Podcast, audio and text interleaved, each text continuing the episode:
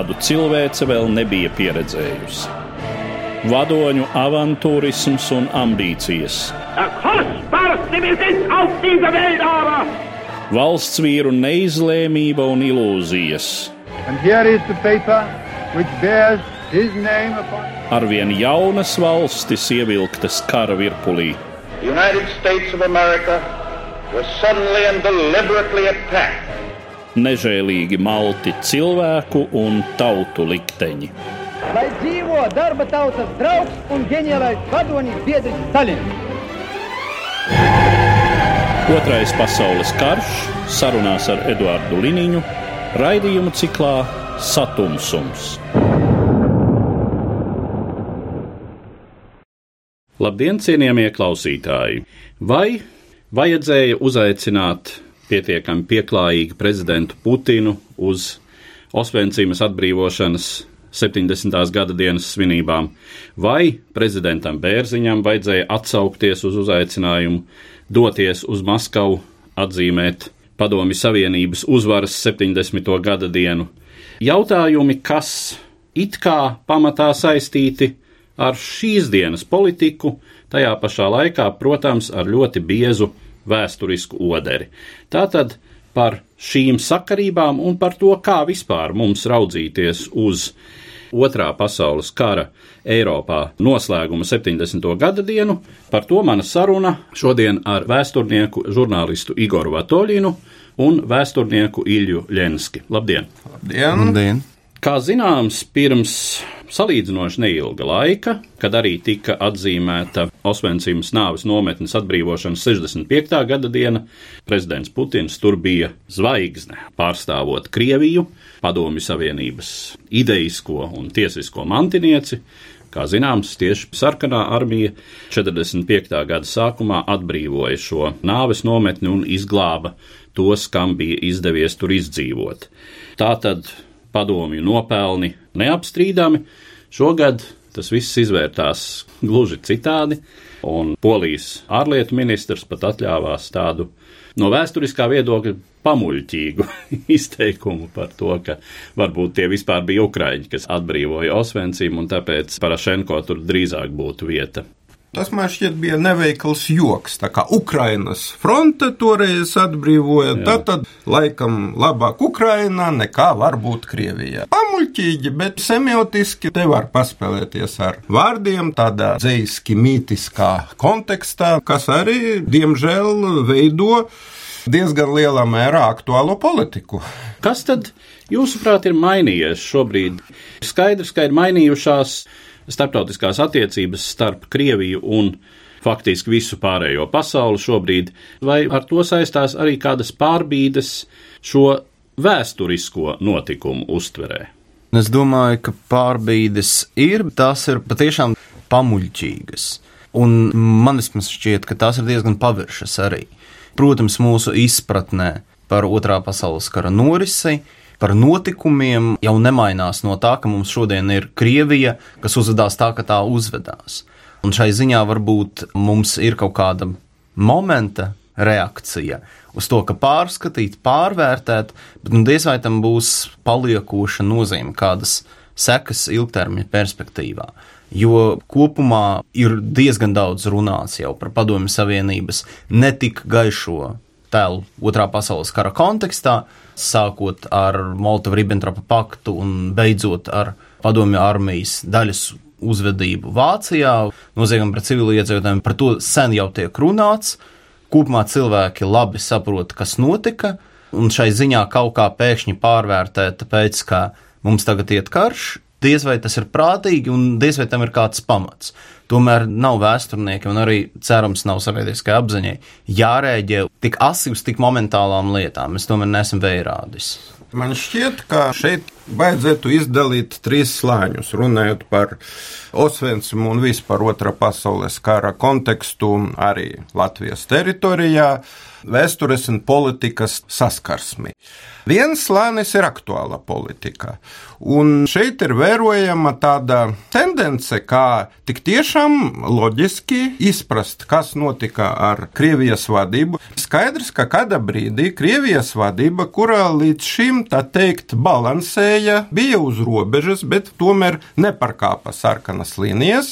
Pēkšņi sākumā apstrādāja savus iedzīvotājus, lai pamodinātu Krievijas un tautiešu ārpus Krievijas visneķetrīgākas jūtas, proti tādā pasaules izredzetība, īpaša misija. Un pēc tam nu, sākas jau atklāta aneksija, es domāju, Krimu un tāda aizvērtāka militārā darbība Ukrainas austrumos. Un loģiski tas nav izskaidrojums. Putins dzīvo savā pasaulē, teica Angela Merkele. Tad kāda ir tā pasaule? Jo versija, ka Putins vienkārši ir sajucis, neapstiprinājās. Tad kāpēc? Priekš manis vienīgā puslīdz eh, vēra ņemama versija ir, ka parasti mūsdienu valsts līderi rūpējas par ekonomiku. Viņi ir ekonomisti. Priekš manis vērā ņemama versija par Putina rīcību ir tā, ka viņš no valsts galvas ekonomista ir pārkvalificējies valsts galva vēsturniekā. Tātad viņam tieši tā vēsturiskā problemātika, vēsturiskā nieze kļuva par pamat rūpes jautājumu. Tātad atjaunot padomju savienību, bet šeit ir tāds ļoti savāds signāls, es teiktu. No vienas puses PSRS krišana bija lielākā ģeopolitiska katastrofa 20. gadsimtā. No otras puses, tur tie bolševiki tiek it kā lamāti vairākas viņa publiskas runas un tiek celta saule Katrīna II, kaut kādi citi cāri, Krievijas impērijas politika. Tātad ne tikai padomju savienības atjaunošana, bet arī tur parādās Krievijas impērijas. Un daži oficiāli komentētāji Krievijas oficiāla radio, viņi saka, jā, laikam Vladimira Vladimiroviča valdīšanas galā Krievijas teritorija būs plašāka par eh, bijušas padomju savienības teritoriju. Tātad mēs redzam vēsturiskas domāšanas tādu kā renesansi, bet ne domāšanas par vēsturi, mūsdienu 21. gadsimta sākuma izpratne, bet kaut kādu vēsturisko paradigmu, kuri it kā jau biju pagātne. Tāda atjaunošana ar Putinu kā Krievijas galvas priekšgalā. Un viņš laikam oficiāli tagad ir Krievijas vēsturnieku sabiedrības galva. Tātad galvenais Krievijas vēsturnieks vai vēsturnieku draugs. Tēvs un skolotājs. Jā, un diemžēl mēs redzam, tā ir dzīva vēsture, un par to varētu pašausmināties, pat pasmaidīt, ja neietu bojā cilvēki. Jo katram šādas anahronistiskas vēstures renesanses renesansī ir sava ļoti barga un skarba cena. Man liekas, vēl pirms dažiem gadiem kāds no Krievijas liberāliem žurnālistiem rakstīja, ka viņam ir sajūta, ka Putins sevi iedomājas kā Krievijas nacionālā gara iemiesojumu. Tas ir ļoti svarīgi, ka, ka mēs šeit nerunājam vienkārši par kādu Krievijas impēriju vai Padomju Savienību, ka Puķinam un teiksim, viņa intelektuālajam lokam, kas baro viņa idejas. Pastāv kaut kādas ideālās Krievijas koncepcija, kuru viņi mēģina iemiesot. Tā Krievija nekad nav pastāvējusi, viņi to mēģina beidzot izveidot. Un cik viņiem ir svarīgi bolševiki vai impērija vai kaut kādi cilvēki ar savām idejām, kas šodien Krievijas pusē karo Ukrainas austrumos, nav līdz galam saprotams. Galu galā mēs tagad saprotam, ka mēs neesam pietiekuši novērtējuši visādu Krievijas dīvainu lomu. Mums likās, ka Dugins ir ārkārtīgi smieklīga un komiska figūra, kas stāsta par to, ka bez bārdas nav dzīves. Šodien izrādās, ka cilvēki to klausās, un viņi ņem rokā nevis bārdu, bet šauteni. Nu jā, un Putins vairākas vietas līdz pagājušā gada vasarai, nenosaucot citātu autoru, ir praktiski citējis Duginu par īpašu krievu cilvēka genotipu un īpaši šo misiju, uzdevumu. Nu, tā tad tie ir citāti no Dugina tik tiešām. Tagad tas ir nedaudz pieklusis, bet strateģiska pamatvirzība ir tā pati - pierādīt, ka mēs atšķiramies no pārējās rietumu civilizācijas, mēģinājums tuvināties Āzijai, Tas varbūt ir tāds jauns motīvs, šī orientēšanās uz Āziju vai vispār eiro-aziātisms, kas nebija raksturīgs nec Padomju Savienībai, nec Krievijas impērijai, kur tiešām var saskatīt zināmas paralēles. Tā ir šī telpas izvēršana, kur tie kulminācijas punkti nepārprotami. Pirmais ir 1814. gads ar Krievijas telpas izvēršanu maksimāli uz rietumiem pēc Napoleona kariem, kas tikai noslēdz procesu, kas ir sācies jau krietni iepriekš. Un tad otrais ir pēc zinām atkritiena, kas sākas droši vien var teikt ar Krimas karu un noslēdzas ar Krievijas impērijas sabrukumu, tad zināma atkal robežu bīdīšana uz rietumiem, otrā pasaules kara rezultātā netik tālu Polija un Somija vairs nekļūst par šīs austrumu impērijas tiešu teritoriju, bet ietekmes zonu gan. Tad es gribētu griezt uz to jautājumu. Šajā Krievijas uzvaras svētku un vispār šī uzvaras fenomena izpratnē, cik liela nozīme ir šai robežu bīdīšanai uz rietumiem. Kas mums, es domāju, šeit Latvijā ir fundamentāli svarīgs jautājums, lai formulētu savu attieksmi pret to. Ziniet, es gribētu tomēr jums pastrīdēties par to robežu bīdīšanu. Es domāju, ka 814. gadā diez vai Aleksandram I varētu ienākt prātā palikt Parīzē, izveidot kaut kādu Francijas nosacītu tautas republiku, tautas impēriju. Kam zina, viņš atkāpās un tad atbalstīja Austru-Ungāriju konservatīvajā kursā. Krievijas impērija atkal 848. 9. gadā apspieda Ungāru sacelšanos pret Austriju, atbalstot savu kaut kādā ziņā konkurentu. Tas ir kaut kas absolūti cits. Un šai ziņā es domāju, ka tā saucamais uzvaras svētkos tā robežu bīdīšana nav īpaši nozīmīga. Tur īpaši nozīmīgs ir tas, ka tā sapūvusi, degradējusi Eiropa ir nepateicīga. Un šai ziņā ļoti svarīgi, ka pirmo reizi mēs sastopamies ar to, ka Krievijas imperialistiskais kurs ir tikai un vienīgi imperialistisks. Tur nav nekādas modernizācijas koncepcijas, jo tomēr Padomju Savienība, izplatoties vismaz formāli, sludināja sevi par progresīvāku valsti, un ar to saistās 20. un 30. gados arī lielas simpātijas Eiropas intelektuāļu aprindās. Šodien Krievija sevi pozicionē kā viskonservatīvāko, ksenofobiskāko spēku līderi, kas neko nevar piedāvāt. Nav iedomājams šodien, lai Polijas vai Ungārijas sabiedrības lielākā daļa vispār varētu kaut kā ieinteresēties. Tur drīzāk, es domāju, saistās nevis ar to, ka mēs tagad atjaunosim Krievijas impēriju, bet tas, ka mēs pārveidosim visus pēc savu veidolu. Šai ziņā ir tāds izcili riebīgs krievu blogeris Jegors Halmagorovs, kas laiku pa laikam par to runā, ka ja nu mēs pārveidosim to austrumu Eiropu, ja mēs viņiem izskaidrosim viņu reālās vērtības, par tādas Eiropas daļu Krievija arī varētu būt. Es arī šeit, Edvards, tev nepiekrīstu.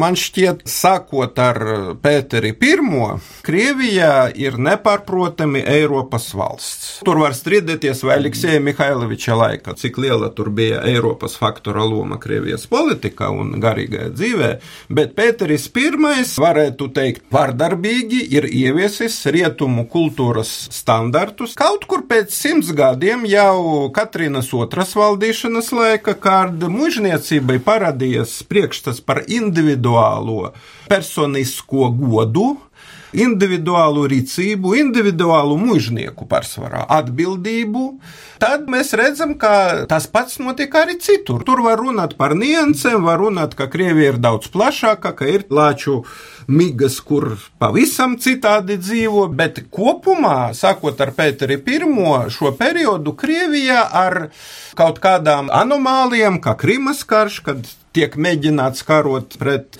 visu Eiropu. Bet pēc tam atkal mēs redzam, ka atnāk Aleksandrs II, imperators reformators, un tur ir tādas absolūti eiropeiskas reformas. Tad atkal Aleksandra III konservatisma periods, pēc tam atkal jaunas vēsmes ar Nikolaju II jā, nepaveicās, bet mēs atkal redzam, ka pat bolševiku revolūcija un padomju savienības projekts atbilst Eiropas trendiem. Karlis Marks un marksisma, sociālisma idejas arī nav izaugušas kaut kur Ķīnā. Sibīrijā vai Ķīnā. Un eh, padomju savienība piedāvāja savu pasaules ainu, savas vērtības, savas tehnoloģijas, kā to dabūt Bet mēs zinām, tāpat kā nacisms tika sagrauts otrā pasaules kara laikā, tāpat arī padomju projekts ir zaudējis vēsturiski. Un man šķiet, ka tagadējā vēsturiskas Krievijas bezsamaņas viens no pamat iemesliem ir tas, ka ja Vācija ir izpratusi, un tur tika veikts arī zināmā mērā piespiedu kārta, bet ne tikai, gan no ārienes bija spiediens no sabiedroto uzvarētāju puses, rietumu sabiedroto, bet no iekšienes bija arī pašu vācu izcilāko domātāju, tādu kā Karlis Jaspers, Hanna Arendt, Zigmund Bauman. Viņi mēģina izprast, ko tas nozīmēja vācu tautai, vācu kultūrai, holokausts, kāpēc parādījās Hitlers, kāpēc vairums iedzīvotāji, tur tie paši 86% pieņēma Hitleru, bet neko tādu mēs neredzējām, diemžēl, Krievijā, jo tur pēc Padomju Savienības krišanas nenotika vispārēja izvērtēšana, kas bija gulaks, kāda bija tā padomju projekta iztenošanas cena un nebija ne spiediena no ārpuses īstenībā. Jo nebija tas grēksudzes no iekšienes. Jelcina ēras sākumā bija biedrība memoriāls, sāka darboties aktīvi, bet pēc tam tas kaut kā aizgāja pamazām tāda kā purvā, un tagad padomju savienības periods tiek uztverts kā tāds zelta laikmets. Un tāpēc šodien mēs esam tur, kur mēs esam. Tātad pat ieskaitot padomju savienību. Tas bija varbūt Eiropas ceļa iešanā. Varbūt padomju savienība bija strupceļa gājiens, bet pa Eiropas ceļu. Bet pateicoties holokaustam savā ziņā, kaut paradoxāli tas skan, Eiropa ir izpratusi, ka valstis nedrīkst balstīt uz etniskā, etnokulturālā parākuma principiem. Un atgriežoties pie Osvencima tēmas, tur ir gan aktuāli politiska šīs tēmas izmantošana, ir vēsturiska izpēta, bet ir arī simboliska nozīme, ka mūsdienu eiropeiska domā pasaule pēc Osvencimas, proti pēc holokausta, tā ir pavisam cita pasaulē. Ir uzrakstītas teoloģiskas grāmatas, kur tiek parādīts, ka kristīga ticība vairs nevar palikt tāda, kā tā bija pirms tam, un arī politiski. Un kā rakstīja, starp citu, vēl pirms pasaules kara Hanna Arendt, tad vienā vienīga valsts nevar garantēt, ka tas neatkārtosies. Un tāpēc ir vajadzīga kaut kāda starptautiska sadarbība, lai vienkārši ļoti, ļoti plāns Eiropas kultūras slānis, kurš satur kaut kādos grožos to iekšējo agresivitāti, kura, diemžēl, sakotnēji piemīt cilvēkam kā būtnei, bet Osvencimas tēma tā ir saruna arī par to, un ka tieši pēc Krīmas notikumiem Putins tur neparādījās, un ka 9. maijs tiks pozicionēts kā droši vien Krievu tautas parākumā simbolizējušs notikums, tas man šķiet ir ļoti bīstami. Es domāju, ka viena ļoti svarīga lieta, kas notika pēckara Vācijā, un atkal, kas ir svarīgi Rietumvācijā, krietni mazākā mērā Austrumvācijā, bija ne tikai holokausta jautājuma izpratne, bet visas Vācijas vēstures izpratne. Tas, ko sauc par strīdiem par vācu Zondervegu, tu īpašo ceļu kas tika iztrieciets. Tas ir, es domāju, kas svarīgākais, kas notika. Pat nevis tas, ka Vilnius Brants krita ceļos Varšavā 70. gadā pie geto cīnītāju pieminiekļa, bet tas, ka beidzot tika noraglētas attiecības starp Vāciju un Franciju, ka tika publiski paziņots, ka mēs vairs neuzskatām cīņu par Elzas un Lotringi par vāciešu dzīves vērtu. Mēs vairs neuzskatām, ka teritoriālā ekspansija ir kaut cik vērtīga. Mēs uzskatām, ka Vācijas spēks ir intelektuālajā pārākumā, ekonomikā. Tas ir vissvarīgākais, ka notika, mēs varam teikt, kaut kādā ziņā visas Vācijas vēstures pārvērtēšana. Un šodien visiem ir ļoti labi saprotams, ka ja tu 33. gadā piekrīti, lai Hitlers būtu par tavu vadītāju, tad 45. gadā pie tevis ciemos atnāks ļoti, ļoti sarūktināti kaimiņi. Padomju Savienība sabruka kaut kādā ziņā pati, cilvēki redzēja, kā tā ideoloģija pazūd, bet ar valsti formāli Nekas nenotika. Šī brīža koncepcija Amerika mākslīgi nolaida cenas naftas produktiem, un pēc tam veica ļoti populāru tēma šobrīd - spēcoperācijas, atmodas un citu līdzīgu kustību īstenošanai. Nē, nu jā, nu mēs esam pasaules centrā un visi ir vai nu ar mums, vai nu pret mums. Un ja ir lietutiņš, tad to noteiktu kāds ir speciāli. Jebkurā gadījumā mēs visus interesējam. Jā, jā, jā, lai bet, tas notiktu. Bet es gribēju piebilst, ka šajā jaunajā pasaulē pēc Osvencimas jebkuri teritoriāliem ekspansīviem gājieniem tika uzlikts strikts tabū. Nekādi tautieši nav iegans, lai iekarotu teritoriju. Un šis pēc Osvencimas trends absolūti sakrīt ar pasaules globalizācijas trendu, ka tagad iekarot kaut kādu teritoriju, lai to pārvaldītu, lai tur saimniekotu. Krīmas pievienošana Krievijai tā ir absolūtais zārks Krīmas turismam, Krīmas ekonomikai nu, un vispār tai infrastruktūrai. Ja turpat uzbūvēs to tiltu vai tuneli savienojot ar pamat Krieviju, tāpēc ka nu, mūsdienās vairs tā nedrīkst rīkoties, jo tas ir absurdi, bet tā vēsturiskā anahronisma atjaunošana mēs rīkosimies kā Katrīna II. No šādiem vēsturiskā anahronisma recidīviem nav pasargāts neviens, neviena valsts iekārta, bet jautājums, vai ir pašregulācijas mehānismi, kuri ļauj visu to kaut kā sakārtot un atzīt, jā, tā bija kļūda. Un, diemžēl, Amerikā ir šādi mehānismi, un Eiropa tā ir demokrātijas iekārta, bet Krievijas iedzīvotāji ir tagad Putina noziedzīgas politikas ķilnieki. Nu jā, un es domāju, ka ir svarīgi tas, ka šīs tabū uz teritoriālo ekspansiju, tas jau būtībā ir ļoti, ļoti plašs. Un Krievija tagad pārkāpa jau vienkārši pēdējo sarkano līniju. Šai ziņā ir loģiski vilkt paralēlus, teiksim, ar to, ka mēs šodien saprotam, ka droši vien sabiedrota operācijas Afganistānā vai Irākā izgāzās ka tie mērķi, kas bija nospriesti, šķiet nav sasniegti. Bet nevienam nevar ienākt prātā 19. gadsimta stilā sadalīt Irāku, amerikāņu, Irākā, Angļu, Irākā, Krievi, nu, Irākā, nodibināt ar savu koloniju. Tas ir absolūtais tabū. Un šai ziņā mēs redzam, kā Krievija viņi atgriežas nevis padomju laikā, bet vienkārši kaut kādā 19. gadsimtā. Vai šī uzvaras diena vispār ir iespējama bez staļinisma, bolševisma, visu padomju represiju attaisnojumu. Jo pašreizējais patos ir tāds, ja jau mēs uzvarējām, tad kas tad šai valstī varēja būt būtiski nepareizi?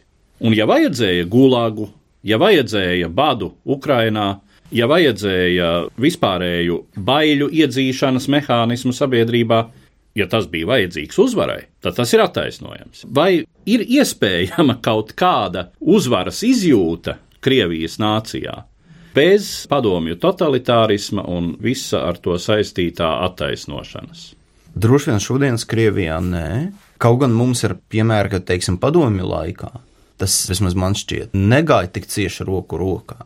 Šodien vienkārši šī tēze tiek izvirzīta, pamatot visas tās grāmatas par Staļinu, kā labāko Krievijas valdnieku, kas arī lērumā ir atrodamas Polarisā, piemēram. Tas viss ir aktuālā diskursa sastāvdaļa. Bet principā mēs varam iedomāties, ka, protams, tas ir iespējams. Un Krievijā ir diezgan daudz cilvēku, es pieņemu, vismaz manu draugu starpā, kam šī diena ir svarīga, bet kas, protams, nav nekādi staļinisti. Bet viņiem vienkārši ir svarīgi atzīmēt šo dienu kā nacismu sakāves dienu, tieši pasvītrojot, ka nacismu sakāve ir kaut kas ļoti svarīgs. Man šķiet, viena lieta ir staliniskas vadības uzvara, Un cita lieta, ka tie nepārprotami ir Krievu tautas svētki. Protams, 45. gada 9. maija bija vispārējā gavilēšana, bija salūts. Staļina laikā tie svētki īpaši netika svinēti.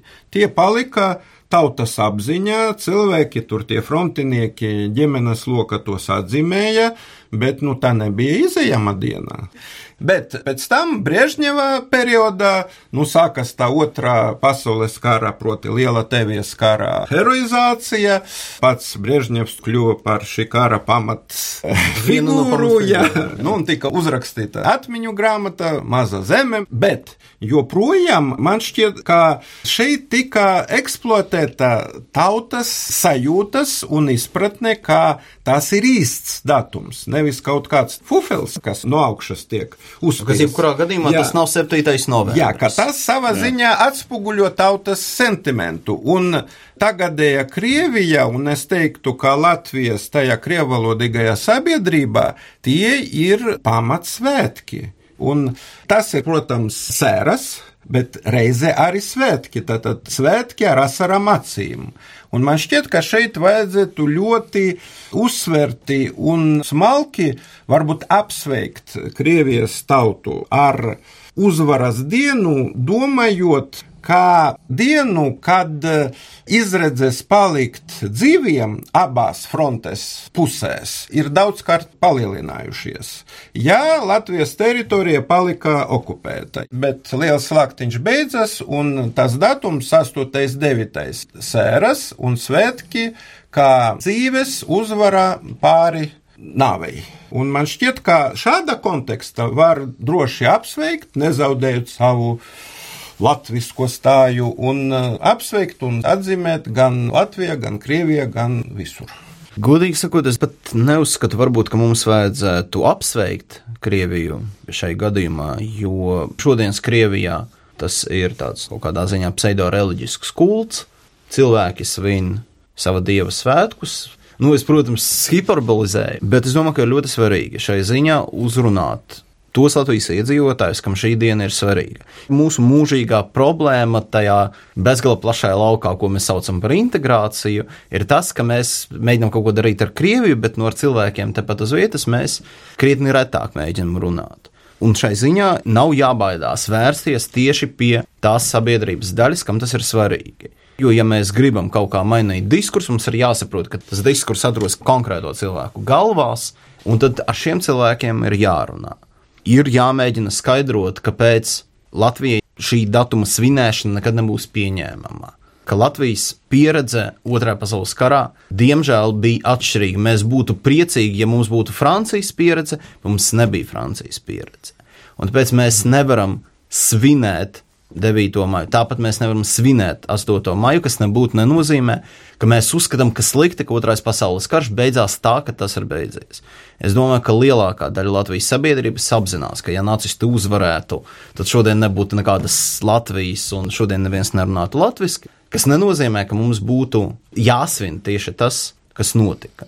Mums ir Eiropas piemērs, kur arī netiek svinēta uzvara. Arī ASV kura mūsdienu Krievijas un Krievu diskursā tiek parādīta kā valsts, kas sagroza vēsturi, kas sevi pozicionē kā galveno uzvarētāju. Kā jūs zināt, ASV neviens īpaši nesvin uzvaru otrajā pasaules karā un arī kara darbības pret Japānu noslēgums arī ļoti minimāli tiek izcelts.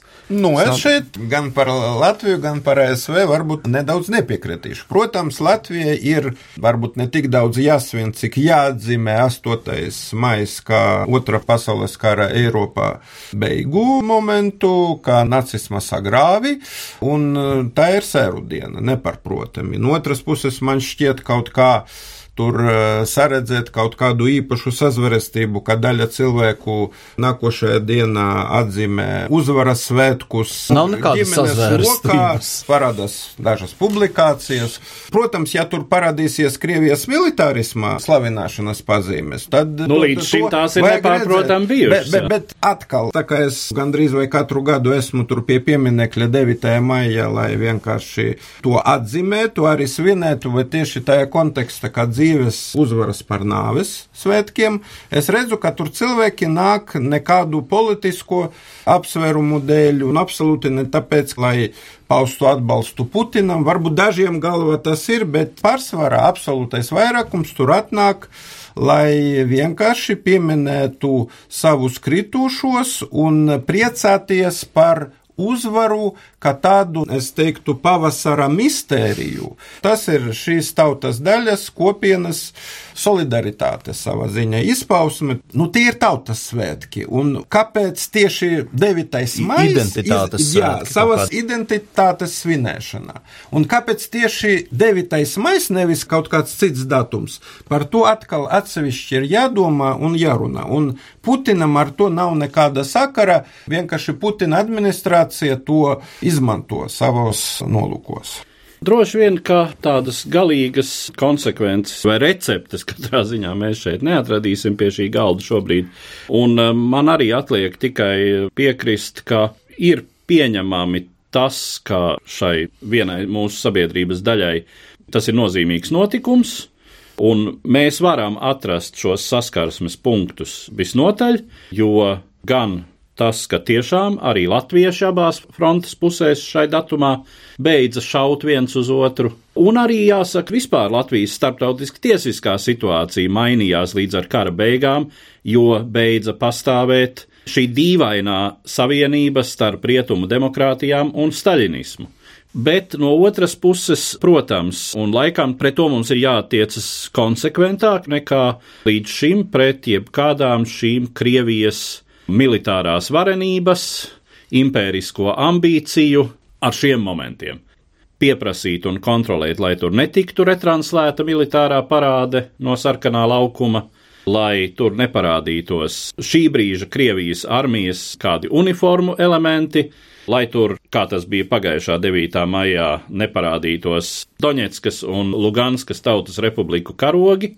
Par jūra krusta lentām jautājums ir varbūt mazliet sarežģītāks. Ar to es tad noslēgtu mūsu šodienas sarunu, un es saku paldies maniem sarunbiedriem, vēsturniekam Iljam Ļenskim un paldies. žurnālistam Igoram Vatoļinam. Paldies! Raidījumā šīs dienas acīm cikls Satumsums - sarunas par Otro pasaules karu.